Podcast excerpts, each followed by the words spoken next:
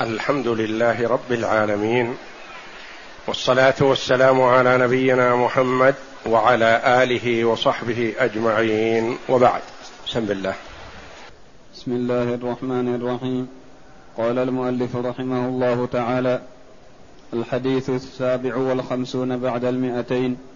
عن عبد الله بن عمر رضي الله عنهما قال نهى رسول الله صلى الله عليه وسلم عن المزابنة وهي أن يبيع ثمر حائطه إن كان نخلا بتمر كيلا وإن كان كرما أن يبيعه بزبيب كيلا وإن كان زرعا أن يبيعه بكي بكيل طعام. نهى عن ذلك كله. قول المؤلف رحمه الله تعالى الحديث السابع والخمسون بعد المئتين. عن عبد الله بن عمر بن الخطاب رضي الله عنهما قال نهى رسول الله صلى الله عليه وسلم عن المزابنة. الإسلام يهتم بتصحيح البيع والشراء والكسب كما يهتم بالصلاة والزكاة والصيام والحج. وكما ورد أن عمر بن الخطاب رضي الله عنه أمير المؤمنين كان يدخل السوق فيسأل الباعة عن شيء مما يتعلق بهم بأحكام من أحكام البيع. فمن وجده غير عارف لأحكام البيع ضربه بالدرة وأخرجه من السوق. وقال لا تفسدوا علينا أسواقنا. فالأسواق مجال البيع والشراء والكسب وفيها العبادة والتعبد لله جل وعلا كما أن البيوع المحرمة معصية لله جل وعلا وسبب لعدم إجابة الدعاء. وسبب لعدم قبول الصلاة. إن الرجل لا يقذف في جوفه اللقمة من الحرام لا تقبل له صلاة أربعين يوما. فإذا صحح المسلم بيعه وشراءه كان كسبه حلالا. وطعمته حلال. وهذا سبب لإجابة الدعاء وقبول الطاعة. وإذا كان بخلاف ذلك والعياذ بالله يكون سببا لعدم قبول الدعاء ولعدم صحة الطاعة والعبادة وعدم قبولها. ولا يستجاب دعاه والعياذ بالله. فالبيع والشراء قرين الصلاة والزكاة. وأحكام البيع والشراء موضحة في كتاب الله جل وعلا وفي سنة رسوله صلى الله عليه وسلم كما بين جل وعلا الصلاة والزكاة والصيام والحج وسائر العبادات. ومع الأسف الشديد تجد كثيرا من الناس يهتم بالعبادة وهذا حسن. لكنه لا يبالي في البيع والشراء. خدع غش باع بيع محرم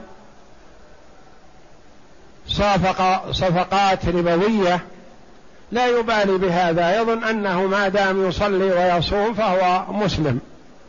والبيع والشراء يظن أنه مجال لبذل الحذق والإدراك والتغلب على الناس وحصول على المكسب من أي طريق.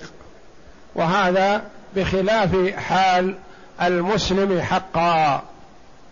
والمسلمون الأوائل رحمة الله عليهم انتشر الإسلام بهم في أقاصي الدنيا بدون سيف وبدون قتال وبدون جهاد وإنما بحسن المعامله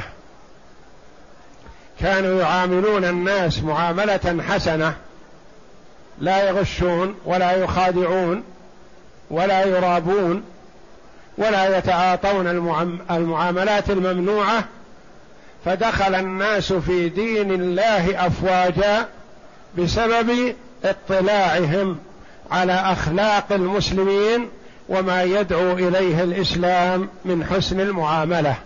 رغبوا فيه لهذا.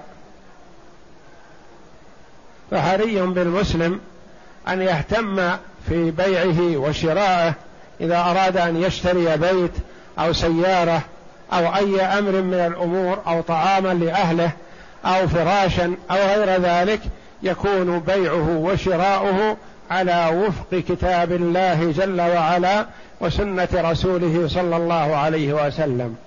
ولا يليق بالمسلم يقول العبادة لها مكان والمعاملة لها مكان بل الإسلام عبادة ومعاملة.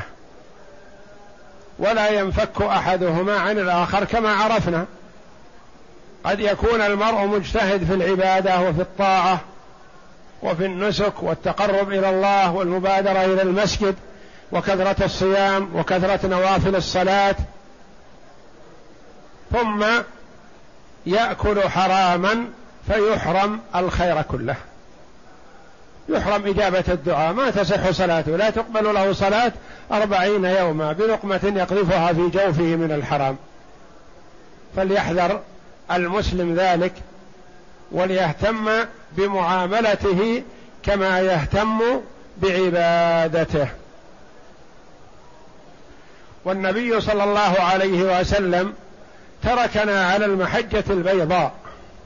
ما ترك أمرا من أمور الحياة الدينية أو الدنيوية إلا بينه لنا صلى الله عليه وسلم.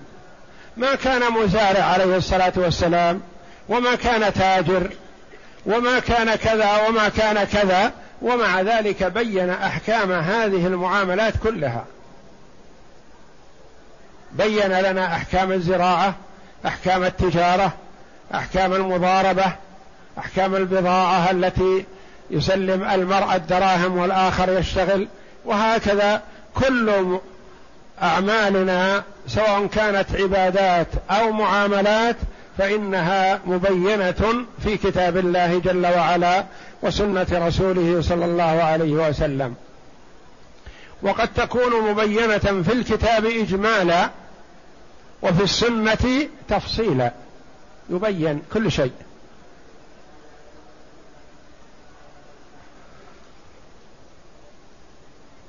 فقوله قول الراوي عبد الله بن عمر رضي الله عنهما نهى رسول الله صلى الله عليه وسلم عن المزابنة. ثم فسرت المزابنة ما هي؟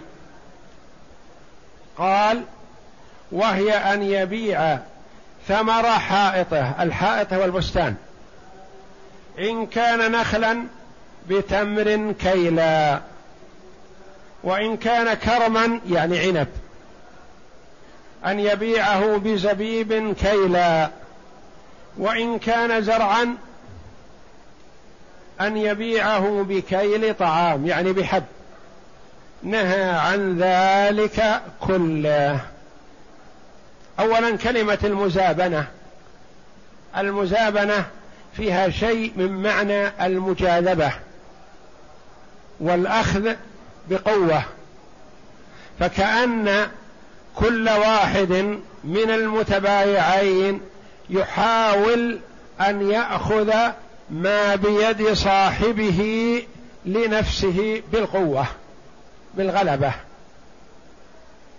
والمزابنة بمعنى مفاعلة والمفاعلة تدل على الفعل من الطرفين مثل مضاربة مضاربة ما تكون من واحد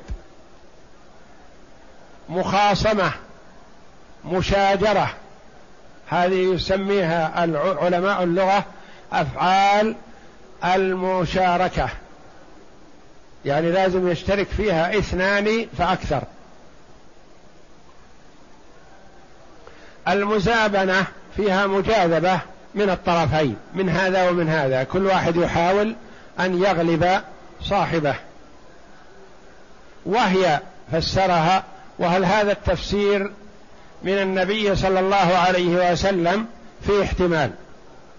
وأو هو تفسير من الصحابي رضي الله عنه. فلهذا يقول الإمام الشافعي رحمه الله يأخذ بهذا التفسير ويقول لا يخلو. إن كان من النبي صلى الله عليه وسلم فبها يوقف عليه. وإن كان من الصحابي فهم أعرف منا وأعلم منا بما نطق به النبي صلى الله عليه وسلم فنأخذ بتفسيرهم. وقد اختلف في هذا التفسير أهوى من تفسير النبي صلى الله عليه وسلم أم من تفسير الصحابي عبد الله بن عمر. وهي أن يبيع ثمر حائطه إن كان نخلا بتمر كيلا. الرجل ثمرة نخله في فروعها رطب. يأتيه آخر يقول أريحك منه. أشتريه منك بألف صاع من التمر اليابس المستوي ألف صاع مثلا من التمر اليابس. يصح هذا. هذه هي المزابنة. ولا تصح هذا.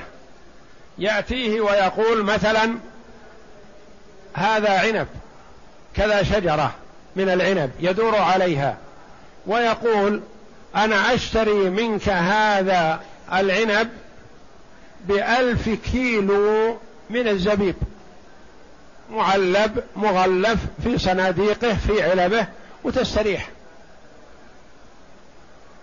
هذا ممنوع. يأتيه ويقول مثلا زرعك هذا حبه قد اشتد. والحمد لله الآن سلم من العاهات وصح بيعه. أنا أشتريه منك بثلاثة آلاف كيلو من القمح. صافي حب نظيف. واترك هذا لي أنا أشتغل فيه وأصفيه وأعمل به. وأتكسب منه. قد أكسب منه وقد أخسر وقد لا أحصل إلا رأس مالي. هذه كلها ممنوعة. لما؟ لأن فيها جهالة وفيها غرر وفيها مخاطرة وفيها شيء من الربا شبه المحقق. وإن لم يكن محقق فهو شبه محقق. كيف هذا؟ نعم. لأن الثمر على النخل رطب. وقد يخرسه الخارص مثلا النخلة مثلا بمئة كيلو. فإذا جفت ويبست ونشف ماؤها ضمرت. فربما لا يحصل منها إلا خمسين كيلو.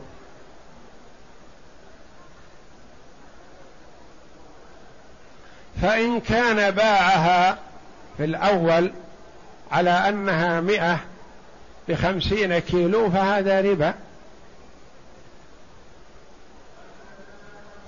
باع تمرا بتمر مع زيادة. وفيه مخاطرة لأن من يشتري النخل بكامله قد يشتريه بعشرة آلاف ريال. ويصفي له مائه ألف.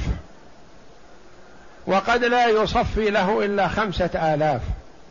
يعني ليس مكسبه كمكسب البضاعة التي تشتريها من الجالب مثلا.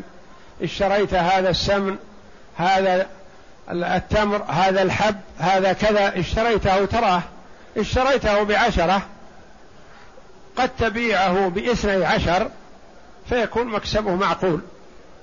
وقد تبيعه بتسعة فتخسر فيه ريال. يخلف الله عليك تكسب في الصفقة الأخرى.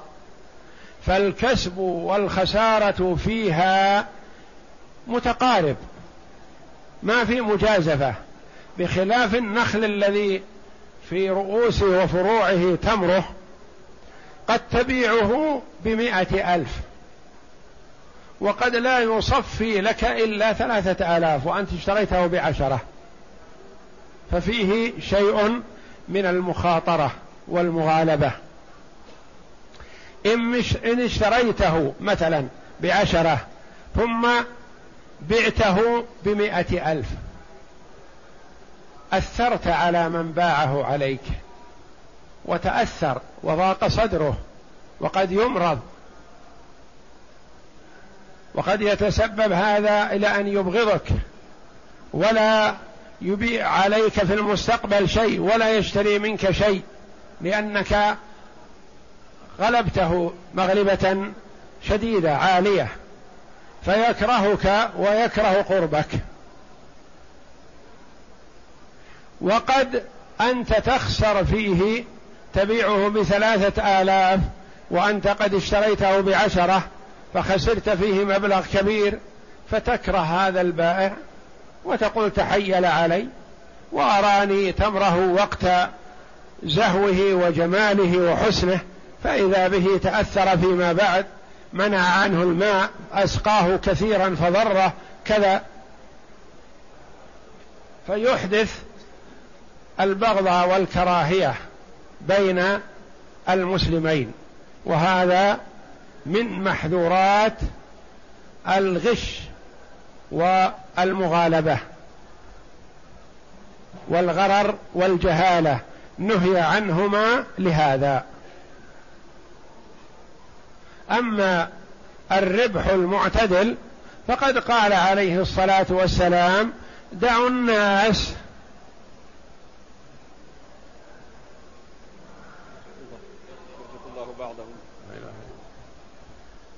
يربح بعضهم من بعض أو يستفيد بعضهم من بعض أو كما قال صلى الله عليه وسلم.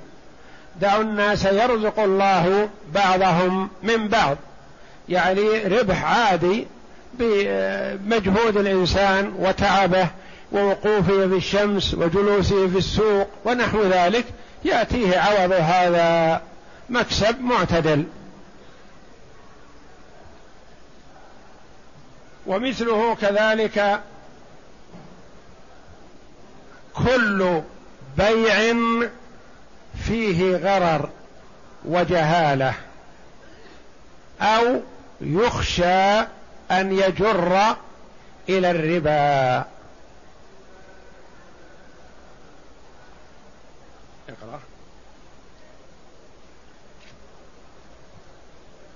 القريب المزابنة. بضم الميم وفتح الزاي والباء والنون على وزن المفاعلة وهي مأخوذة. مفاعلة من أفعال المشاركة. إذا ضرب الوالد ولده أو الرجل غلامه ما يقال مضاربة لأن الضرب من جهة واحدة. فإذا تضارب رجلان أو غلامان يقال مضاربة مفاعلة يعني فيها شيء مشاركة. نعم.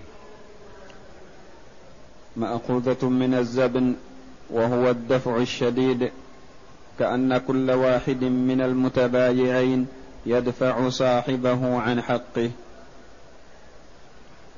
المعنى الإجمالي نهى النبي صلى الله عليه وسلم عن المزابنة التي هي بيع المعلوم بالمجهول من جنسه. بيع المعلوم بالمجهول من جنسه. مثلا يقول بألف كيلو. مثلا ألف الكيلو معلوم. لكن هذا الذي في رؤوس النخل مجهول. وهذه العناقيد التي مثلا في شجر العنب مجهولة ما يدرى كم تصفي. وهذا الحب الذي في السنبل كذلك مجهول ويخرس خرص وإلا ما يعرف قدره بالضبط. نعم.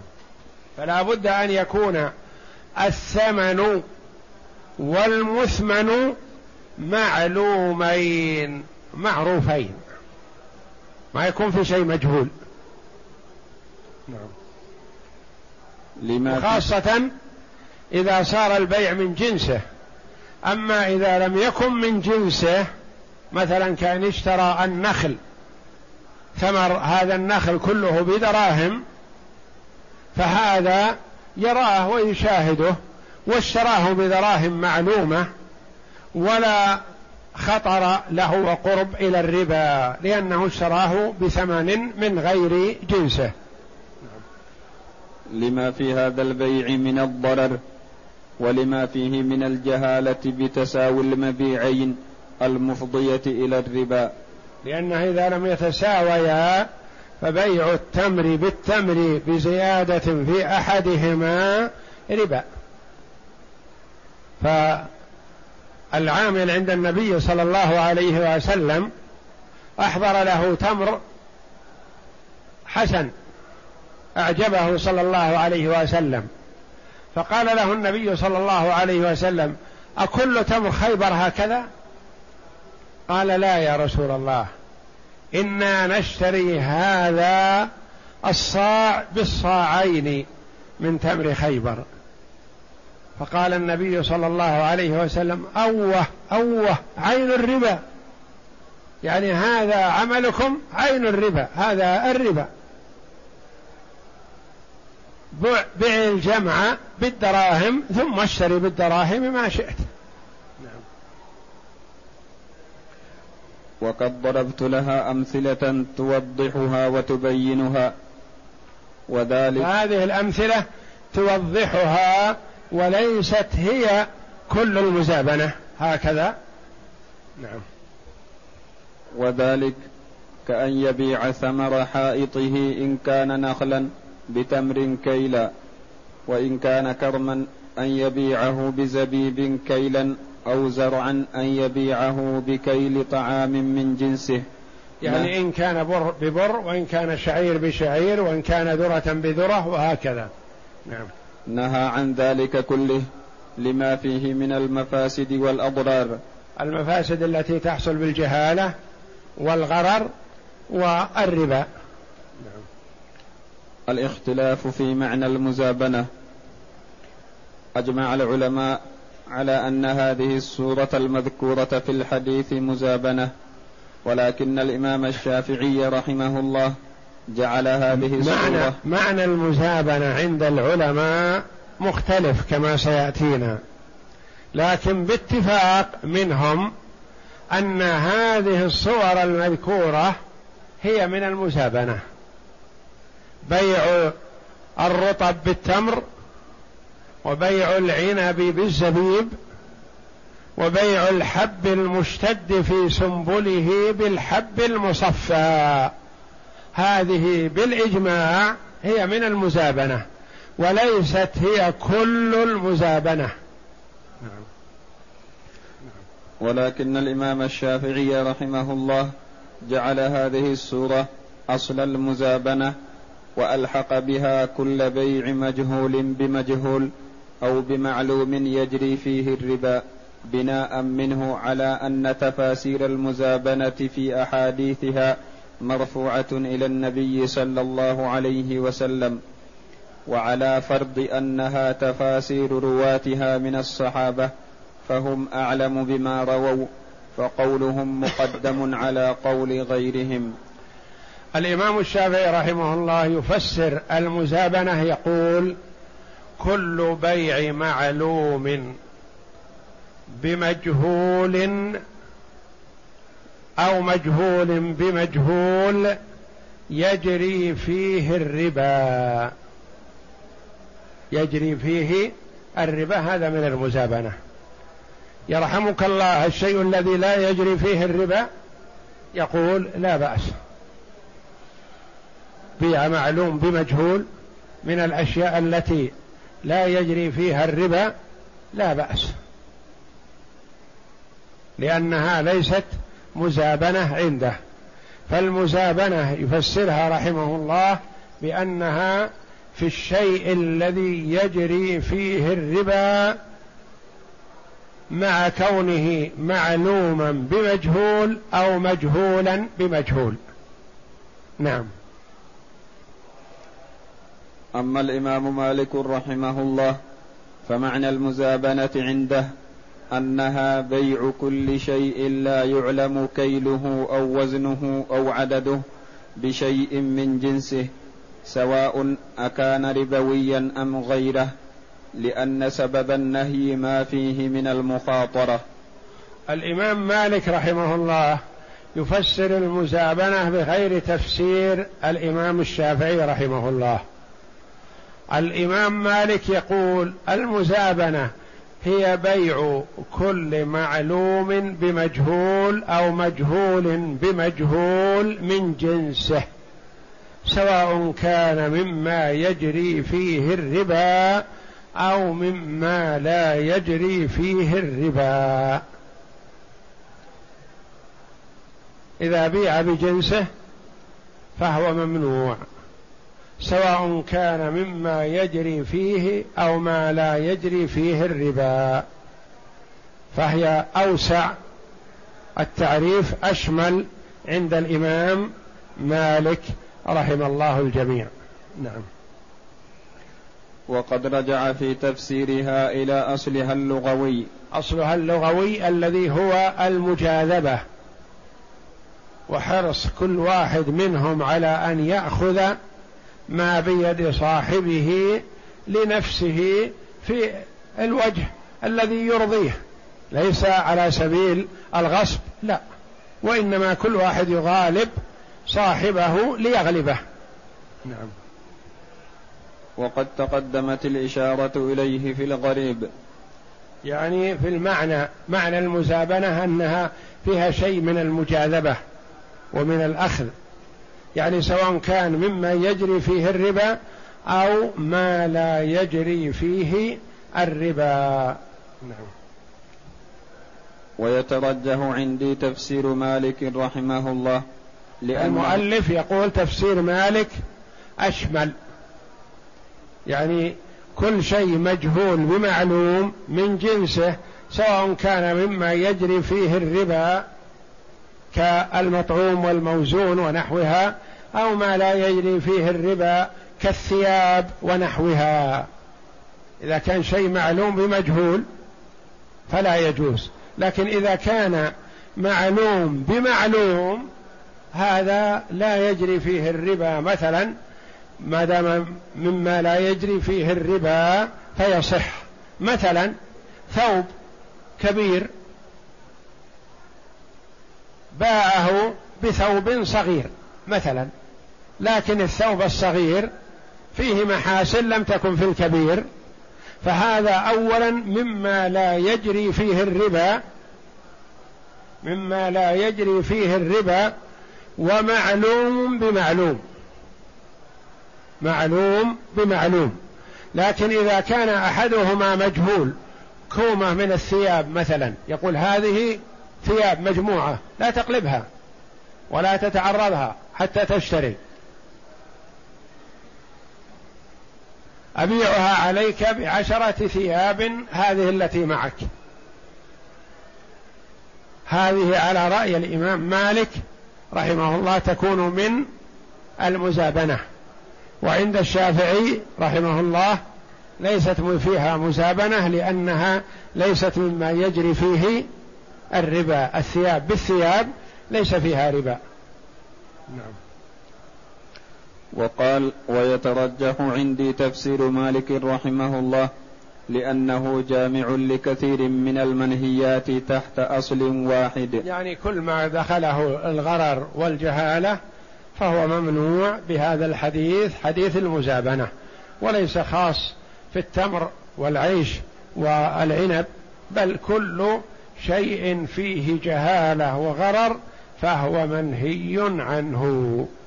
فتفسير مالك رحمه الله أشمل من تفسير الإمام الشافعي رحمه الله. وأما التفاسير المذكورة فلا تنافي لأن يقول التفسير في الحديث ليس المراد أنها محصورة في هذه وإنما هذه أمثلة لها. وعادة السلف أنهم يوضحون الشيء بمثال واحد وإن كان يندرج تحته عدد من الصور. لأن عادة السلف رحمهم الله أنهم يفسرون الشيء بمثاله وهو جزء منه ولا يريدون به حصره في هذا النوع وإنما يريدون به المثال. ما يؤخذ من الحديث اولا النهي عن المزابنة. وهذا صريح وواضح وأخذ بها العلماء في النهي عن المزابنة لما فيها من الجهالة والغرر وقد تجر إلى الربا ولنهي النبي صلى الله عليه وسلم الصريح الواضح. وإنما إذا ورد النهي عن النبي صلى الله عليه وسلم فيجب على المسلم الأخذ به فهم العلة أو لم يفهمها. الواجب على المسلم أن يقول سمعنا وأطعنا. فإن فهم العلة فالحمد لله وإلا فكما قال السلف هذا تعبدي. الشيء الذي لم يفهم له علة يقال تعبدي العلة. نعم. ثانيا تعريفها بهذه الصور التي توضح أصلها. يعني توضح المزابنة بهذا المثال الواضح الجلي. نعم. ثالثا أن بيوعاتها فاسدة لأن النهي يقتضي الفساد. فهو نهي عنها فلا تصح مثل ما نهي عن الربا. نعم. رابعا حكمة النهي عنها ما فيها من المخاطرة والقمار. كما وضح لنا مثلا يشتري بعشرة وقد يبيع بمئة. وقد يشتري بعشرة ويبيع بثلاثة. فتكون فيها مخاطرة إما ربح باهظ أو خسارة مضرة. لأنها بيع لأنها بيع معلوم بمجهول. ولأن المجهول لا يدرى ماذا يصفي. ولما فيها من بيع النوعين الربويين المجهولين لأنه لا بد في صحة بيعهما من العلم بالتساوي.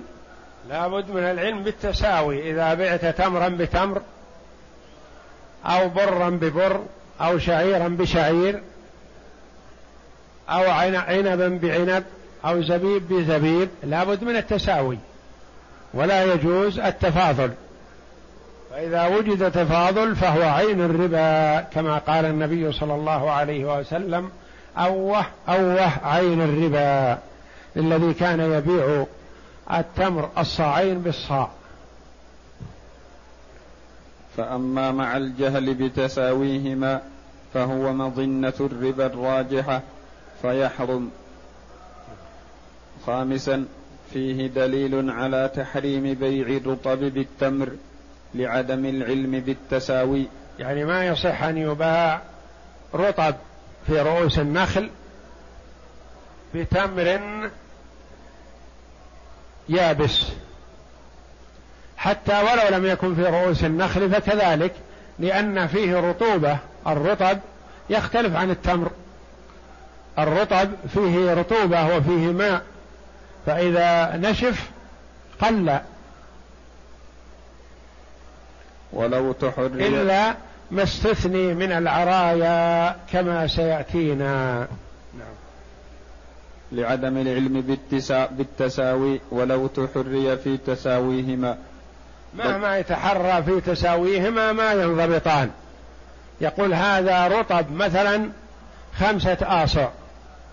إذا يبس يصير ثلاثة. نبيعها بثلاثة آصع يابس. نقول لا. قولنا خمسة الآن وإذا يبس صار ثلاثة هذا تخرص وتخمين. مو بيقين. فلا يجوز لنا. نعم. بل يدل على تحريم بيع كل نوعين ربويين جهل تساويهما. ايا كان نوعهما. نعم.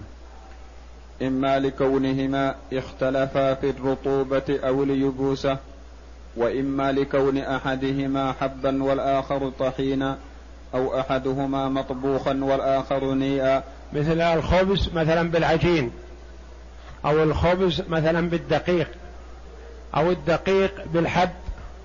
كل هذا ما ينضبط. أو غير ذلك مما لا يعلم معه التساوي بينهما.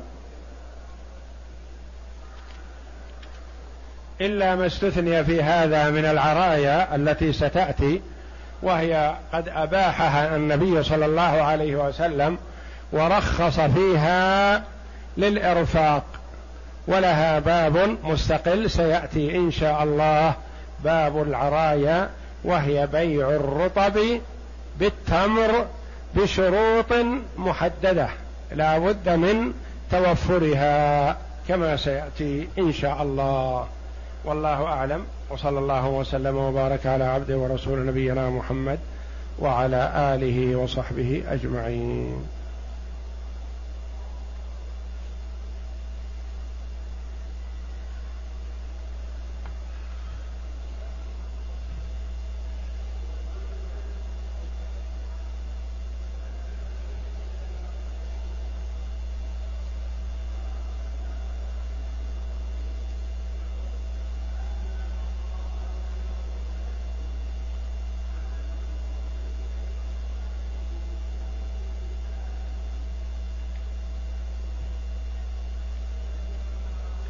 يقول السائل هل يجوز بيع كتب أهل البدع؟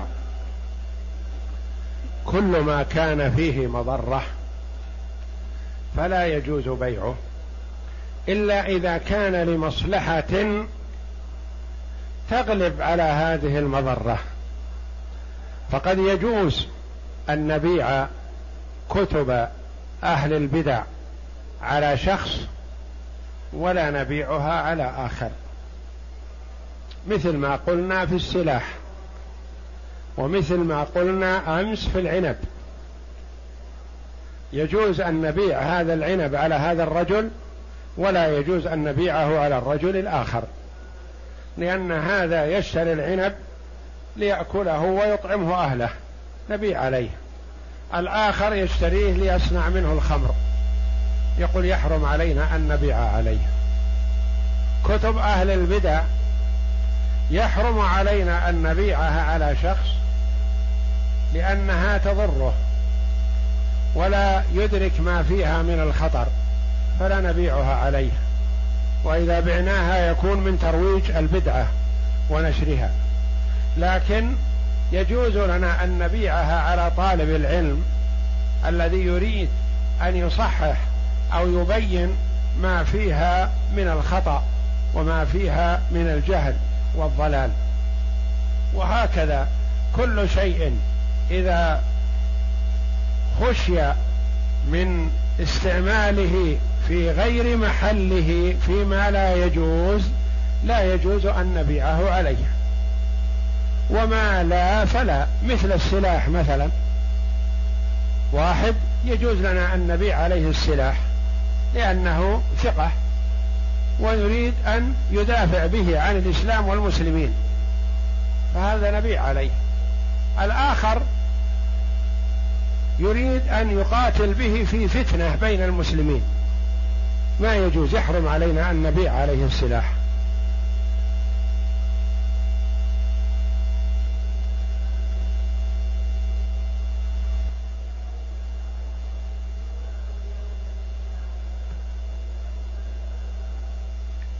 يقول ما هو الفرق بي بين البيع على شرط والبيع بشرط؟ ولماذا يمنع بعض ويجوز الآخر؟ البيع على شرط والبيع بشرط بينهما فرق. البيع على شرط ما تم البيع ما وجد البيع حتى يوجد هذا الشرط. البيع بشرط. تم البيع على شرط أن يكون كذا. أنا أقول مثلا أبيع عليك هذا الكتاب بعشرة على أن تسلمني العشرة بعد صلاة العشاء. هذا البيع تم لكن أنا بحاجة إلى العشرة هذه. اشترطت عليك أن تسلمني بعد صلاة العشاء. ما بعت هذا الكتاب بعشرة إلا لحاجتي إلى العشرة بعد صلاة العشاء. فأنا بعت عليك بشرط التسليم بعد صلاة العشاء. هذا تم البيع. وعليك التسليم. الأخرى مثلا أبيع عليك هذا الكتاب على شرط. متى؟ إذا طلعت الشمس. ما تم البيع إلى الآن. متى يصير البيع؟ إذا طلعت الشمس. ما يدرى هل تطلع الشمس ونحن أحياء أم أموات. أو أحدنا حي والآخر ميت. أو أحدنا صحيح والآخر مريض. ما يدرى. ما تم بيع إلى الآن. بخلاف إذا تم البيع على شرط يعني تم البيع بشرط كذا هذا البيع صحيح وإنما يلزم الوفاء بهذا الشرط.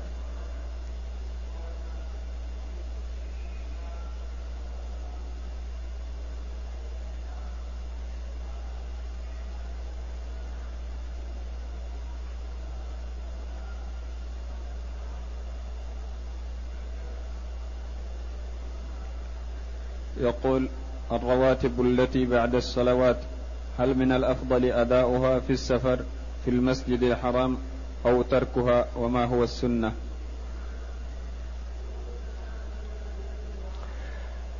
المسافر يستحب له أن يقصر الصلاة إذا كان مع رفقته وهم مسافرون. والنبي صلى الله عليه وسلم كان إذا سافر ترك السنن الرواتب إلا سنة الفجر والوتر. ما كان عليه الصلاة والسلام يتركهما لا حضرا ولا سفرا.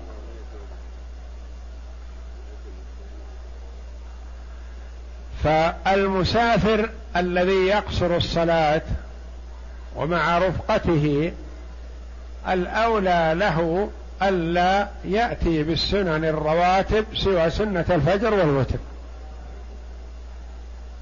لأن بعض الصحابة أنكر على من قام يأتي بالسنن الرواتب مع القصر. قال لو كنت متنفلا لأتممته.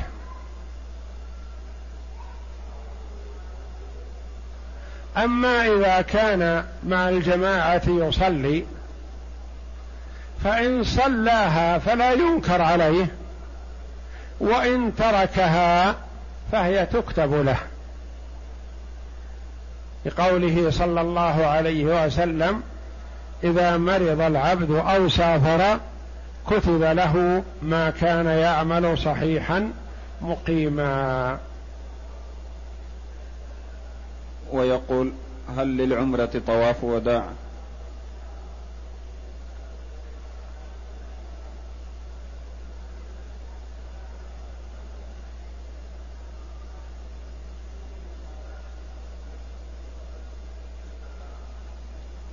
طواف الوداع للعمرة محل خلاف بين العلماء رحمهم الله.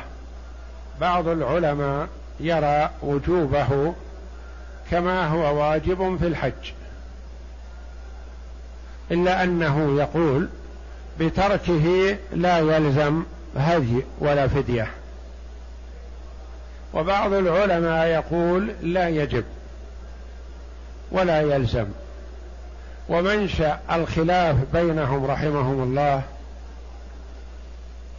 من يقول يجب يقول إن العمرة مثل الحج. وتسمى الحج الأصغر. فما هو واجب في الحج وهو من أفعال العمرة هو واجب في العمرة. كالطواف ركن في الحج وركن في العمرة. السعي ركن في الحج ركن في العمرة. الحلق أو التقصير واجب في الحج واجب في العمرة. طواف الوداع واجب في الحج واجب في العمرة يقول. الآخرون يقولون طواف الوداع واجب في الحج وليس بواجب في العمرة لأن الحاج يخرج من مكة إلى منى ثم إلى عرفات ثم إلى مزدلفة ثم يعود إلى منى ثم يأتي إلى مكة. ثم يرجع إلى منى. فلئلا يسافر من منى أمر أن يكون آخر عهده بالبيت طواف. أما المعتمر فهو في مكة. ما خرج منها ومتى ما أراد الخروج له ذلك. فهو محل خلاف. وينبغي للإنسان أن يحرص عليه لأنه عبادة وقربة وطاعة لله جل وعلا يثاب عليه المسلم.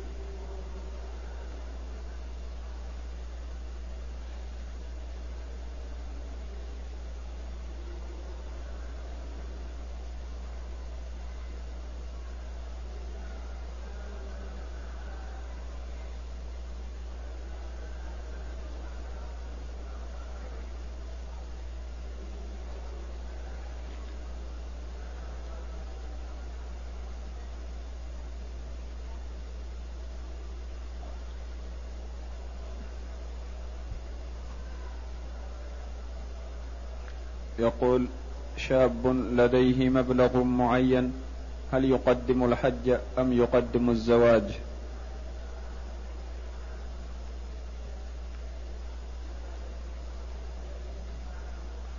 هل يقدم الحج أو يقدم الزواج؟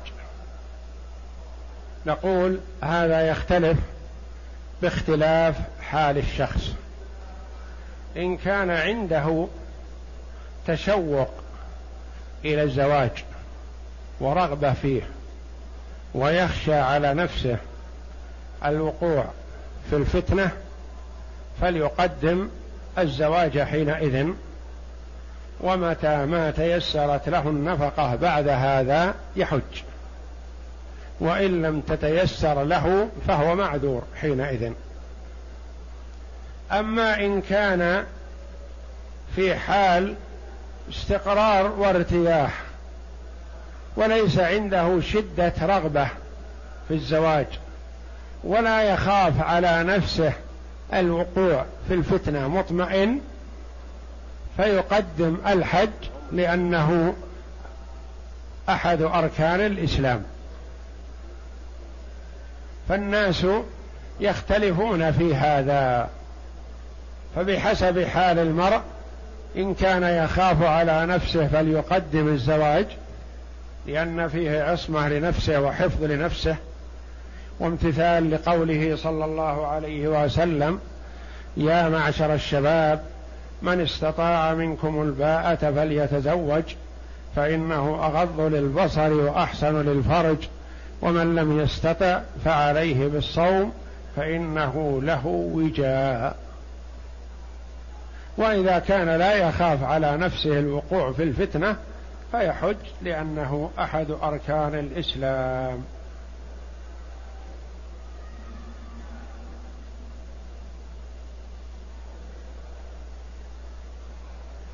ويقول هل يجوز الصلاة في الطائرة؟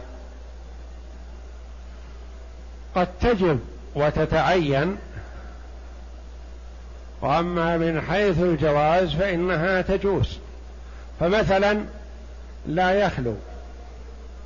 إن كان سفرك مثلا بعد الظهر بعد زوال الشمس وركبت الطائرة قبل الزوال وأنت تعرف أن الطائرة تنزل قبل اصفرار الشمس. يعني تنزل في وقت العصر أو بعد أن يحين وقت العصر بساعة مثلا فالأفضل في حقك حينئذ أن تؤخر الظهر مع العصر وتصليها إذا نزلت ولو بعد العصر بساعة لأنه لا يزال في وقت الاختيار. أما إذا كانت الطائرة تقلع مثلا قبل الظهر ولا تنزل إلا بعد الغروب. فيجب على المسلم حينئذ أن يصلي الظهر والعصر في الطائرة ولا يؤخر الظهر والعصر إلى ما بعد الغروب. الطائرة تقلع قبل غروب الشمس مثلا بقليل وأنت تعرف أنها تنزل في حدود الساعة 11 ليلا. فنعم. تؤخر المغرب والعشاء وتصليهما إذا نزلت لأنك تنزل في وقت العشاء والمغرب تؤخر مع العشاء. لكن إذا علمت أنها تقلع مثلا قبل الغروب ولا تنزل إلا بعد طلوع الفجر فيتعين عليك بل يجب عليك أن تصلي المغرب والعشاء في الطائرة. وتصلي حسب استطاعتك. إن استطعت قائما وتركع وتسجد فيتعين هذا. وإن كنت لا تستطيع هذا تسقط لو وقفت. والطائرة في حال حركة وارتفاع وانخفاض ولا تستطيع أن تصلي قائما فتصلي على الكرسي. وتومي ايماء بالركوع والسجود. وهكذا كما قال الله جل وعلا فاتقوا الله ما استطعتم. ويقول هل تصلى الجمعة ظهرا؟ أي أربع ركعات إذا لم يأتي الخطيب ولا يوجد من يخطب من الحاضرين. نعم هو الأولى لهم ألا يصلوا ظهر. يعني لو ما جاء الخطيب واحد من الحاضرين يقوم ويخطب يخطب بسورة من القرآن يخطب بسورة قاف. بآيات من القرآن يقرأها يقوم ويقول أوصيكم أيها الإخوة بتقوى الله جل وعلا. ويأمر بالخير وينهى عن الشر ويقرأ ما تيسر معه من القرآن وينزل ويصلي بهم الجمعة. لكن إذا ما كان فيهم من يحسن هذا فإنهم حينئذ يصلون ظهرا. ولا يصلون ركعتين إذا لم يقيموا صلاة الجمعة لأن الجمعة لها شروط. من شروطها الخطبة قبلها. والخطبة من شروطها الوصية بتقوى الله جل وعلا وترغيب الناس وذكر آية من القرآن والصلاة على النبي صلى الله عليه وسلم. يأتي بها بدقيقة واحدة وينزل ويصلي بهم الجمعة. لكن إذا ما وجد فيهم من يخطب فيصلي بهم ظهرا أربع ركعات.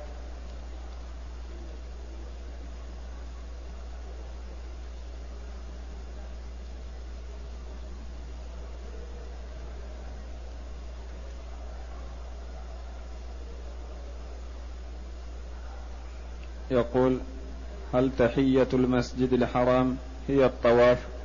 وهل يلزم الطواف في كل فرض؟ التحية تحية المسجد الحرام والكعبة الطواف. إذا تيسر هذا وإذا لم يتيسر أو شق على المرء فلا يلزمه وإنما يصلي ركعتين ويجلس. ولا يلزم كل ما دخل إلى المسجد الحرام أن يطوف. إن طاف فحسن فهذا خير. وإن لم يطف فلا يلزمه لكن لا يجلس حتى يصلي ركعتين.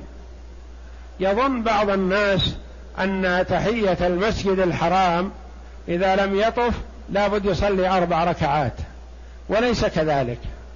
بل تحية المسجد الحرام وغيره سواء إذا لم يتيسر الطواف. فيصلي ركعتين ويجلس.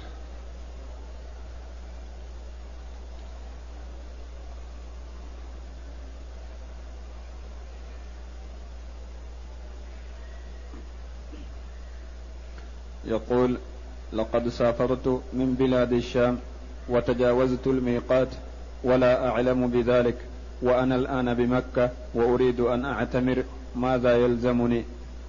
إذا كنت أتيت من الشام بنية العمرة يعني تريد أن تعتمر وتجاوزت الميقات فنقول يلزمك أن تعود اليه الميقات الذي مررت به. إن كنت مررت بميقات أهل المدينة فتعود إليه.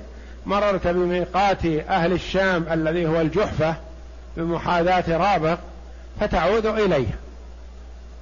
فإن لم تستطع العودة فتحرم من الحل ويكون عليك هدي. يكون عليك هدي لمجاوزتك الميقات بدون إحرام. لأنك قادم من بعد من خلف الميقات تريد العمرة فلازم أن تعود إلى الميقات وتحرم منه. آخر ما أراد العمرة وما جاء بنية العمرة وإنما جاء لتجارة أو لعلاج أو لطلب علم أو لسياحة أو لأي غرض من الأغراض غير العمرة. فلما قرب من مكة أو وصل مكة تأسف ألا يكون اعتمر فرغب في العمرة. نقول يحرم من الحل. قد يقول قائل كيف ذاك تأمرونه بالعودة إلى الميقات؟ والميقات قد يكون عنه أربعمائة كيلو لأنه ناول العمرة. وهذا لأنه خلو خال الذهن ما نوى شيء. تقول له أحرم من مكة ولا شيء عليك. نعم نقول نعم. ذاك عمرته من الشام. وأجره قادم من الشام أو من مصر بنية العمرة. فيؤمر بأن يحرم من الميقات كما أمره النبي صلى الله عليه وسلم وأجره عظيم.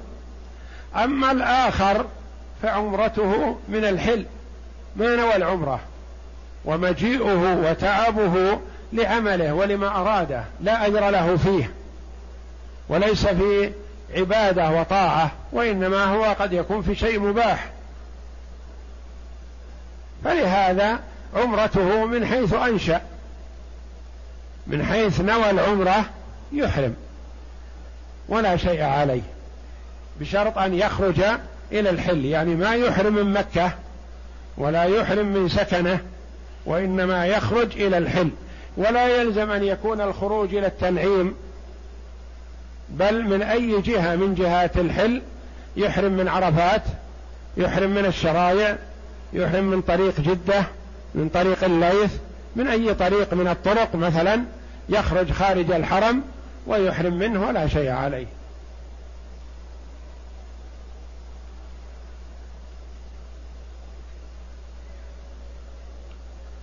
يقول إن ابني عمره ست سنوات قد أحرم ثم فسخ الإحرام قبل أن يعمل العمرة. ماذا عليه؟ يجب عليك أخي ما دمت أدخلته في النسك أن تخرجه منه. إذا كان خلع ملابس الإحرام فألبسه ملابس الإحرام وطف به واسع به وقصر من رأسه أو احلقه وقد تمت عمرته. ولا حرج عليه ولا شيء عليه في خروجه من إحرامه ولبسه ثيابه. لا حرج عليه في هذا لأنه صغير. وعمد الصغير كجهل الكبير. لا شيء عليه في هذا والحمد لله.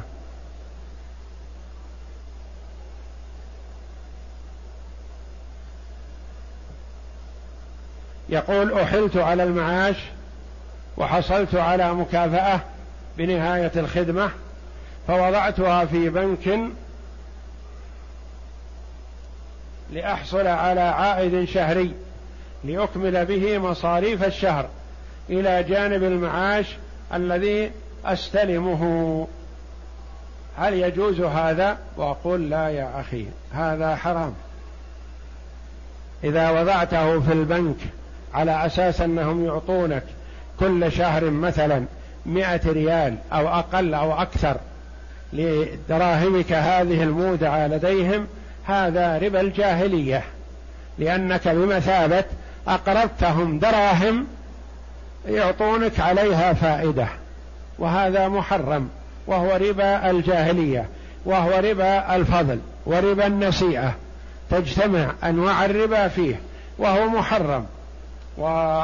وفاعل هذا يجب عليه المبادرة بالتوبة إلى الله جل وعلا والتوقف عن هذا العمل واستلام حقه وصرفه في وجه من الوجوه المشروعة في التكسب في عقار أو نحوه أو بضاعة أو تجارة يشتري به أو يسلمه لمن يتاجر به وما يقسم الله من ربح يقتسمانه بينهما حسب ما يتفقان عليه هكذا.